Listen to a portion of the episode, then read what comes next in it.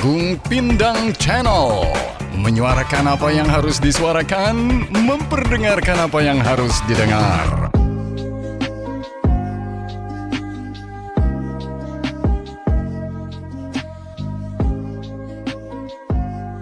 Agung Pindang Channel masih berkisah tentang bagaimana perjuangan saya melawan COVID. Uh, bukan sok hero gitu ya. Tapi di episode kali ini saya mau cerita apa yang terjadi dan peristiwa apa yang kemudian merubah saya sehingga saya akhirnya bisa lolos dalam tanda kutip gitu ya dari terpaan virus COVID apa COVID-19 ini.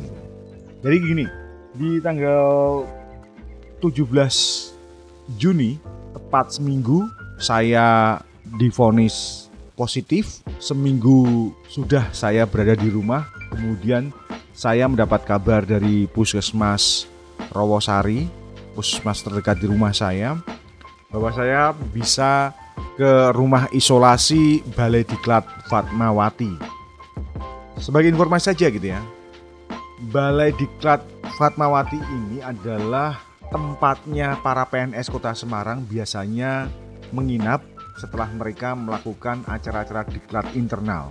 Tapi karena situasi yang sudah sangat kredit, kalau biasanya mereka yang terpapar itu dimasukkan ke rumah dinas di Manyaran sana, rumah dinasnya wali kota.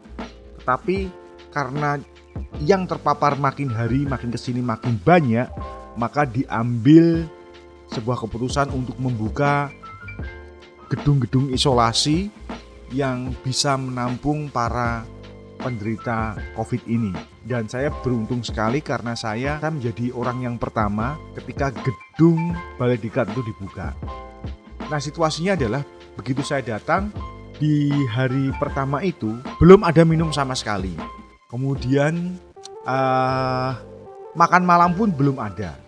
Tapi menurut saya petugas nakes yang bertugas di sana itu cukup fair. Mereka juga mengharapkan pengertian kami para pasien COVID gitu ya untuk bisa mengupayakan sendiri minimal untuk hari pertama itu uh, karena mereka juga mengatakan bahwa ini adalah kondisi yang sangat darurat maka ada beberapa persiapan yang mungkin tidak begitu ideal. Oke, saya makan gitu ya. Saya waktu itu saya pengen banget tiba-tiba saya makan mie tite. Nah, kurang ajarnya adalah begini ya saya pesan lewat gojol gitu ya datang tapi nggak ada sendoknya.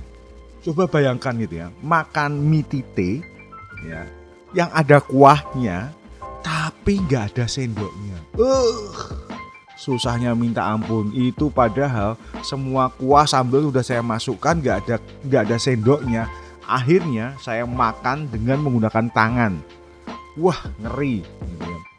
Udah rasanya di mulut itu nggak karu-karuan karena saya sudah mengalami apa kehilangan indera penciuman dan indera pengecap saya sudah anosmia gitu ya jadi udah hilang semuanya. Sehingga rasanya juga nggak enak gitu ya posisi makannya udah nggak enak mulut juga rasanya nggak enak. W itu saya bat aja pokoknya gitu saya masuk ke blang blang blang blang blang blang blang. Wah habis itu saya langsung berangkat tidur. Nah sebelum berangkat tidur saya dikirimi sama adik saya keluarga saya uh, eh, 5 liter air gitu ya. Yang jadi masalah gini, sebenarnya saya mau dikirimi satu kardus air mineral gitu ya. Tetapi bawanya ke kamar itu sebenarnya nggak jauh sih, tetapi kamar saya di lantai tiga. Nah, yang susah adalah kondisi saya itu sudah sudah buat apa sudah sudah nggak kuat ya, pokoknya seperti itu ya. Jadi bawa air botol satu literan berjumlah lima saja itu sudah aduh udah habis-habisan gitu ya ya tapi saya masih bersyukur lah. Artinya daripada nggak ada yang diminum gitu ya. Nah situasinya ketika sudah sampai di kamar udah agak sedikit kenyang saya mencoba untuk tidur. Nah bagi anda yang ingin tahu ya mereka yang terpapar itu rata-rata susah tidur. Udah mencoba merem berulang-ulang kali ketika bangun melihat jam eh ternyata masih satu jam dibuat tidur lagi bangun lagi eh masih setengah jam itu terus menerus gitu bayangkan sudah makan gak enak tidur jadi kurang maka menurut saya di sinilah imun tubuh kita menjadi semakin turun nah pagi harinya ketika sudah ada makan, makan pagi sudah disiapkan dari rumah diklat gitu ya, dari uh, tempat isolasi, saya masih tetap tidak bisa makan gitu ya. Karena rasanya nggak enak. Gitu. Ya. Saya bisa membayangkan kalau Anda tidak punya orang yang cukup apa ya perhatian dengan Anda, baik itu dari keluarga, teman atau siapa pun. Uh, menurut saya di tengah-tengah mental kita yang kena, kita kayak orang yang kehilangan pegangan. Bener, serius. Teman saya itu kasih support via WA, ada yang telepon, ada yang kirim makan, ada yang masih kirim jamu.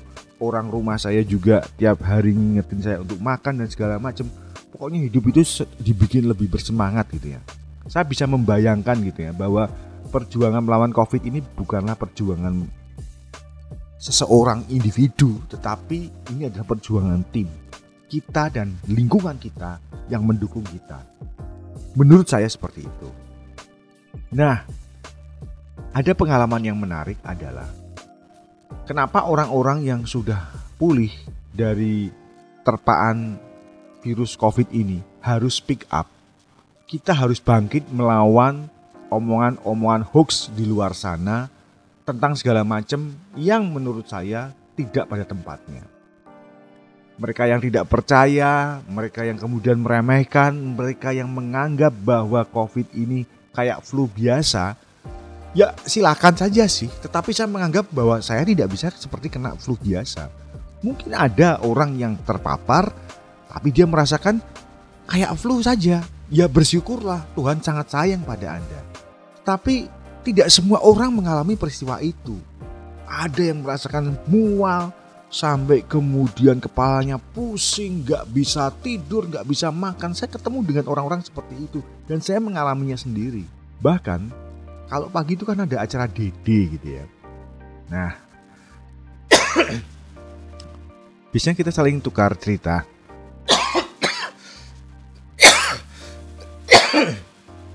kita ketemu nih sama tetangga-tetangga saya di sekitar rumah saya yang kebetulan masuk gitu ya. Ada yang masuk satu keluarga gitu ya, minus bapak dan satu anaknya. Ada lagi yang masuk rombongan dari mulai ibunya yang sudah sepuh sampai kemudian seanak-anaknya juga ikut masuk gitu. Nah, saya ketemu dengan seorang perempuan yang saya tanya gitu ya. Mbak, tertularnya gimana? Anu om ini gara-garanya ini teman saya, teman saya itu OTG, dia sudah positif tapi dia masih masuk kerja. Kalau masuk kerja, dia itu ngampiri saya.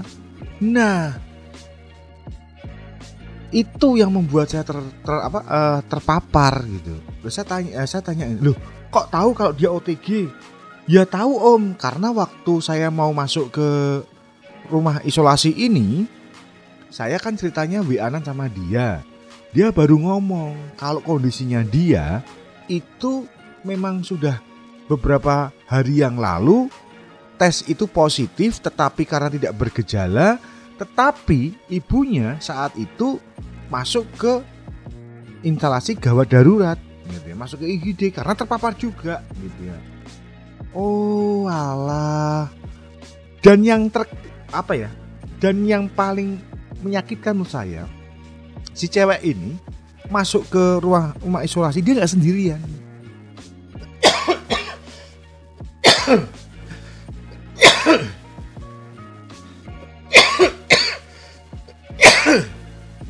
dia terpapar bersama sang ayah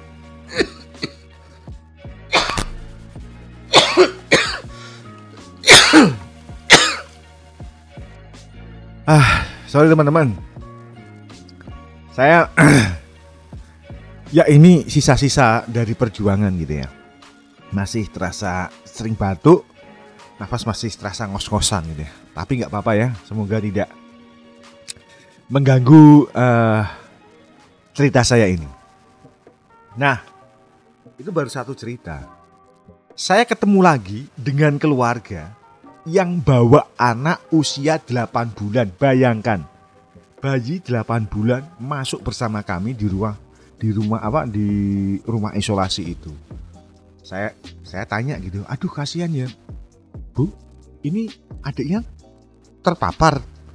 Oh enggak mas, ini malah dia yang nularin bapak sama ibunya termasuk saya. Karena yang saya tanya itu kan ART-nya. Saya baru, ih ternyata sumbernya itu bukan dari orang-orang yang apa, yang usia-usia dewasa saja, tapi ternyata sang anak, anak kecil saja itu bisa menjadi uh, penular juga, gitu ya. Artinya virus ini nggak main-main gitu loh. Nah, yang membuat saya semakin apa ya, semakin miris lagi adalah ketika saya diputuskan untuk bisa pulang uh, sekitar tanggal 22 22 Juni di hari Selasa saya dinyatakan sudah negatif, saya berangkat untuk pulang. Saya ketemu nih sama seorang bapak gitu ya yang tanya ke saya, "Mas, selamat ya sudah boleh pulang." "Oh iya, lah Bapak, saya sebenarnya sudah bisa pulang." Tapi ibu saya itu kan sepuh dan dia masih positif. Maka mau nggak mau, suka nggak suka, saya harus nemenin. Lalu saya tanya, loh ibunya sudah sepuh ngomong-ngomong sudah vaksin. Nah itu masalahnya mah. Ibu saya itu sering baca, sering lihat di apa di media sosial, dengar-dengar dari WA grup keluarga tentang bahaya vaksin. Makanya ibu saya tidak mau vaksin. Saya ini berpikir, ih betapa mengerikannya coba. Saya mengalami sendiri.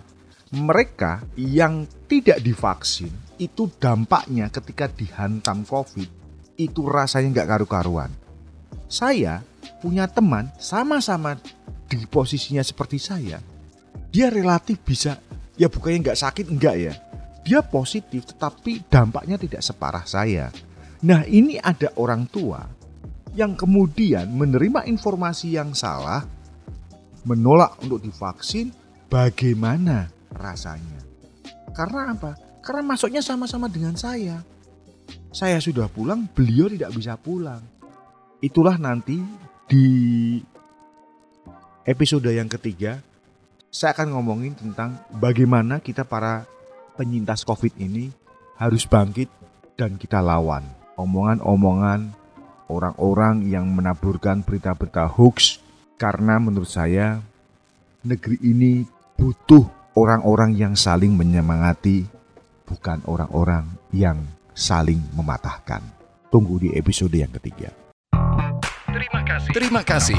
Sampai jumpa di Agung Pindang Channel episode berikutnya.